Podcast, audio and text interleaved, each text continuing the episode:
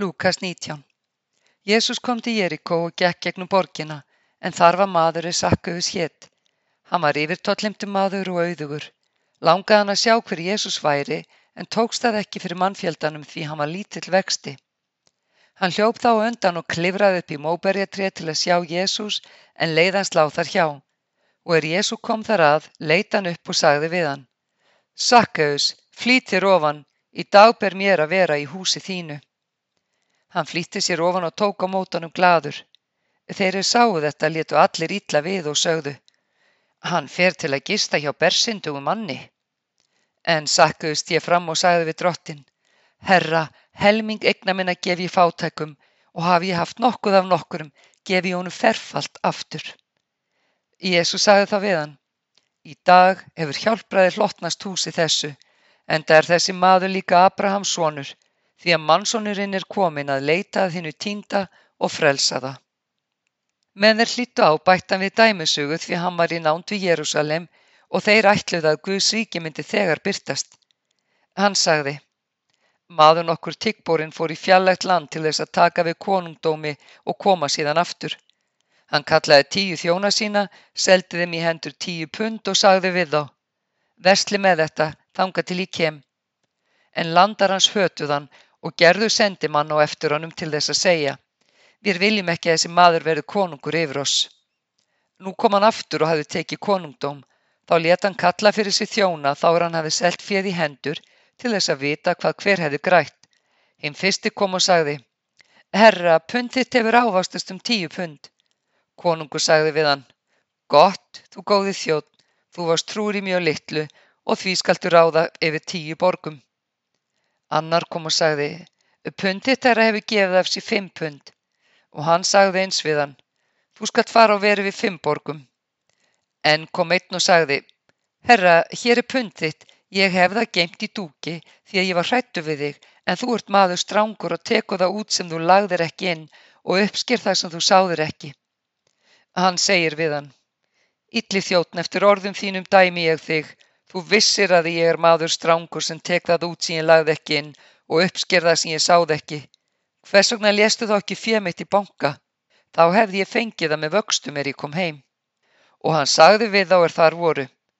Takið honum pundið og fáið þeim sem hefur tíu pundin. En þeir sögðu við hann. Herra, hann hefur tíu pund.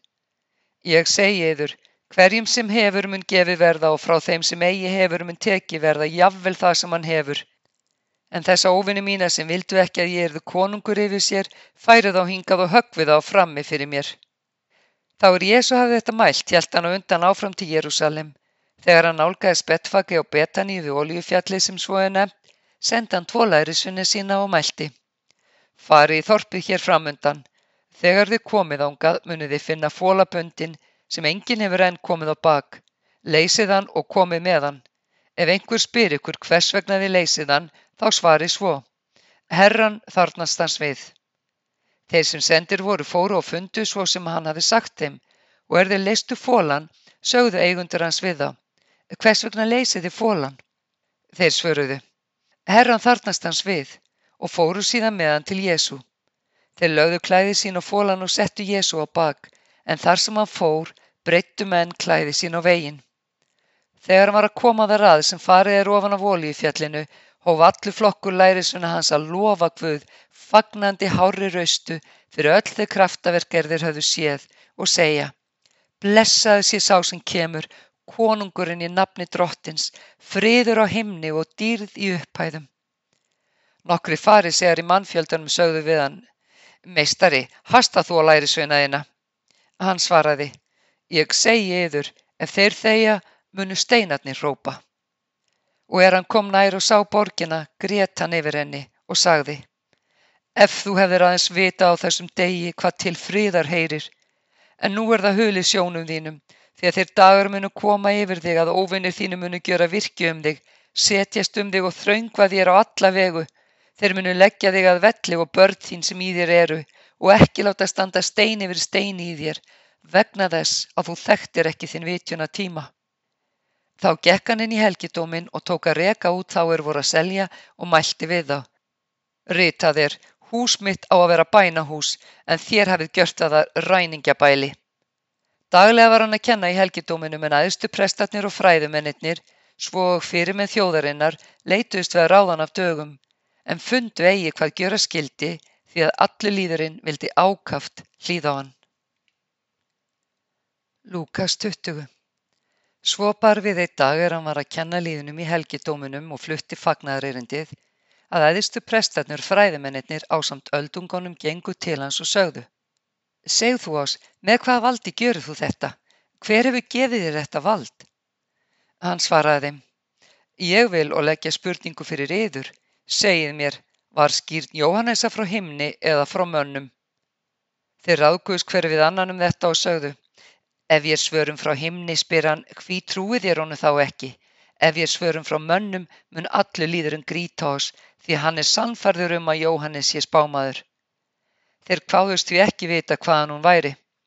Jésús sagði við þá, ég segi þið þá ekki heldur með hvaða valdi ég gjöri þetta. Og hann tók að segja líðunum dæmisögu þessa. Maður nokkur plantaði vingarð og seldi hann vínirkjum og leigu, fór síðan úr landi til langtvala Á settum tíma sendi hann þjón til vínyrkjana að þeir fengju honum hlut af ávöxti víngarsins, en vínyrkjarnir börðan og sendu burt tómentan. Aftur sendi hann annan þjón, þeir börðan einnig og svífurtu og sendu burt tómentan. Og enn sendi hann hinn þriðja, en þeir veittu honum einnig áverka og köstuðu honum út. Og þá sagði eigandi vingarsins, hvað á ég að gjöra? Ég sendi svon minn elskaðan, má vera að þeir virði hann. En er vínirkjarnir sáu hann, báru þeir saman ráð sín og sögðu, þetta er erfingin, drepum hann, þá fáum við arfin, og þeir köstuð hann út fyrir vingarðin og dráp hann. Hvað mun nú eigandi vingarsins gjöra við þá? Hann mun koma, tortíma vínirkjum þessum og fá öðrum vingarðin. Þegar þeir heyrðu þetta, sögðu þeir, verði það aldrei. Jésús horfi á það og mælti, hvað merkir þá rytning þessi? Sá steinn sem smiðirnir höfnuðu er orðinn hyrningasteinn. Hver sem fellur á þennan stein mun sundur mólast og þann sem hann fellur á mun hann sundur merja.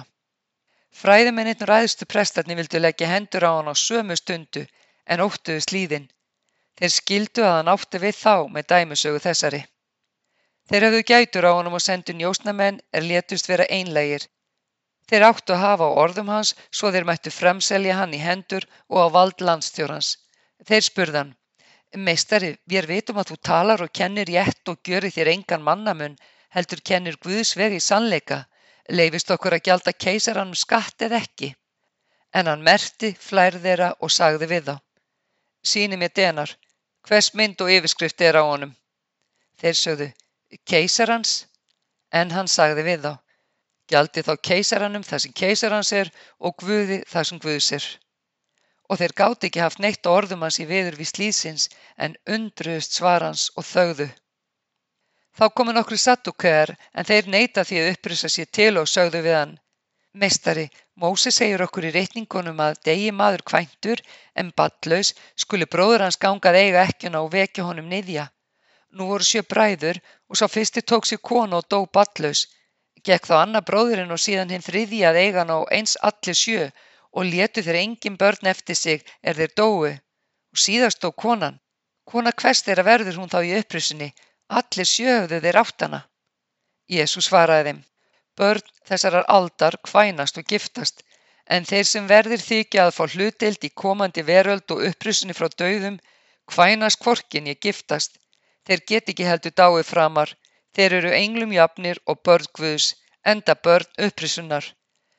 En að dauði rísu upp, það hefur jáfnvel Móse sýnt í sögunum þyrnurunan er hann kallar drottin Guð Abrahams, Guð Ísaks og Guð Jakobs.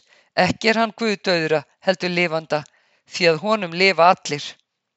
Þá sögðu nokkru fræðimannana, vel mæltmeistari, en þeir þorðu ekki framar að spyrja hann eins. Hann sagði við þá, Hvernig geta menn sagt að Kristus sé sonur Davís?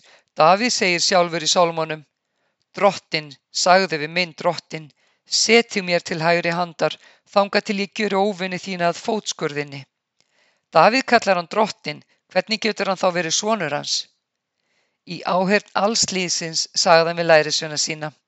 Varist fræðumennina sem fýsir að ganga í síðskikkjum og er ljúft að láta heilsa sér á torkum vilja skipa aðstabekk í samkundum og hefðarsæti í veislum.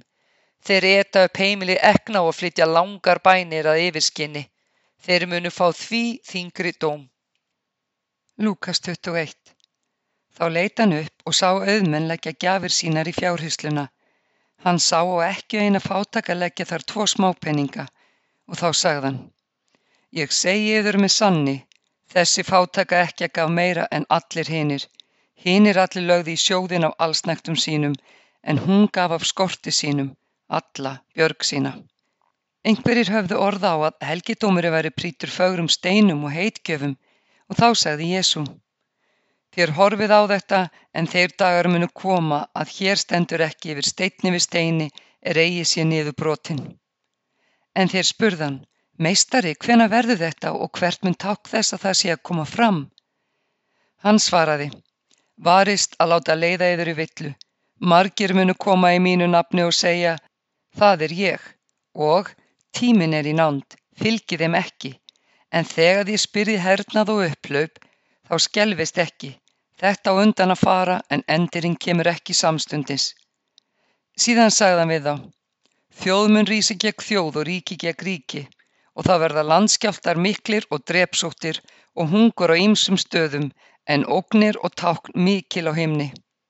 En á undan öllu þessu munu menn leggja á hendur á yður, ofsækja yður, færa yður fyrir samkundur og í fangelsi og draga yður fyrir konunga og landsöðingja sækinn nafsmýns. Þetta veitir yður tækifæri til vittnisspurðar. En festu það vel í huga að vera ekki fyrirfram að hugsa um hvernig þér eigið að verjast. Því ég mun gefi þér orð og visku sem engir mótstöðumenn yðar fá staðið í gegn nýja hrakið. Jafnvel foreldrar og bræður, frændur og vinir munu framselja yður og sumir yðar munu líflátnir, en þér munuð hataður af öllum vegna naps míns, en ekki mun tínast eitt hár á höfði yðar, verið þrautsegir og þér munuð ávinna sálir yðar. En þegar þið sjáuð herrfylkingarnar umkringja Jérúsalem, þá vitið að eyðing hennar er í nánd. Þá flýið þeir sem í júti eru upp til fjalla, þeir sem í borginni eru flytju spurt og þeir sem eru á ekrum úti fari ekki inn í hana. Því þetta eru refsingardagar og þá er allt það ræti sem ritað er. Veið þeim sem þungaðar eru og þeim sem börn hafa brjósti á þeim dögum, því að mikil neyð mun þá verða í landinu og reyði yfir líð þessum. Þeir munu falla fyrir sverðsækjum og herleitir verða til allra þjóða og Jérúsalem verður fótum tróðin af heiðingjum þar til tímar heiðingjana eru liðnir. Tákn munu verða á sólu, tungli og stjörnum og á jörðu ángist þjóða, ráðalausra við dunur hafs og brengni. Menn munu gefa upp öndina af ótta og kvíða fyrir því er koma muni yfir heimsbyðina því að kraftar heimnana munu bifast. Þá munu menn sjá mannsónin koma í skíi með mætti og mikilli dýrð. En þegar þetta tekur að koma fram þá réttið úriður og liftið upp höfðum yðar því að lausn yðar er í nánd. Hann sagði þeim á líkingu, Gætið að fíkjutrénu og öðrum trjám, þegar þér sjáu þau farin að bruma, þá vitið þér að sjálfum yður að sumarið er í nánd. Eins skuluð þér vita þegar þér sjáu þetta verða, að Guðs ríki er í nánd. Sannlega segi ég yður, þessi kynnslóð mun ekki líða undir lok, uns allt er komið fram. Híminn og jörð munu líða undir lok, en orð mín munu aldrei undir lok líða. Hafið gát á sjálfum yður að hjörtuð þær þingist ekki við svall og drikju, né áhyggjur þessa lífs og komi svo dagur sá skyndilega yfir yður eins og snara, en koma munan yfir alla menn sem byggja gjörfalla jörð. Vakið því alla stundir og byggjið svo þér megið umflýja allt þetta sem koma á og standast frammi fyrir mannsininum. Á daginn var hann að kenna í helgidóminum en fór og dvaldist um nætur og oljufjallinum sem svo er nefnt og allt fólkið kom árla á mornana til hans í helgidóminum til að hlýða á hann.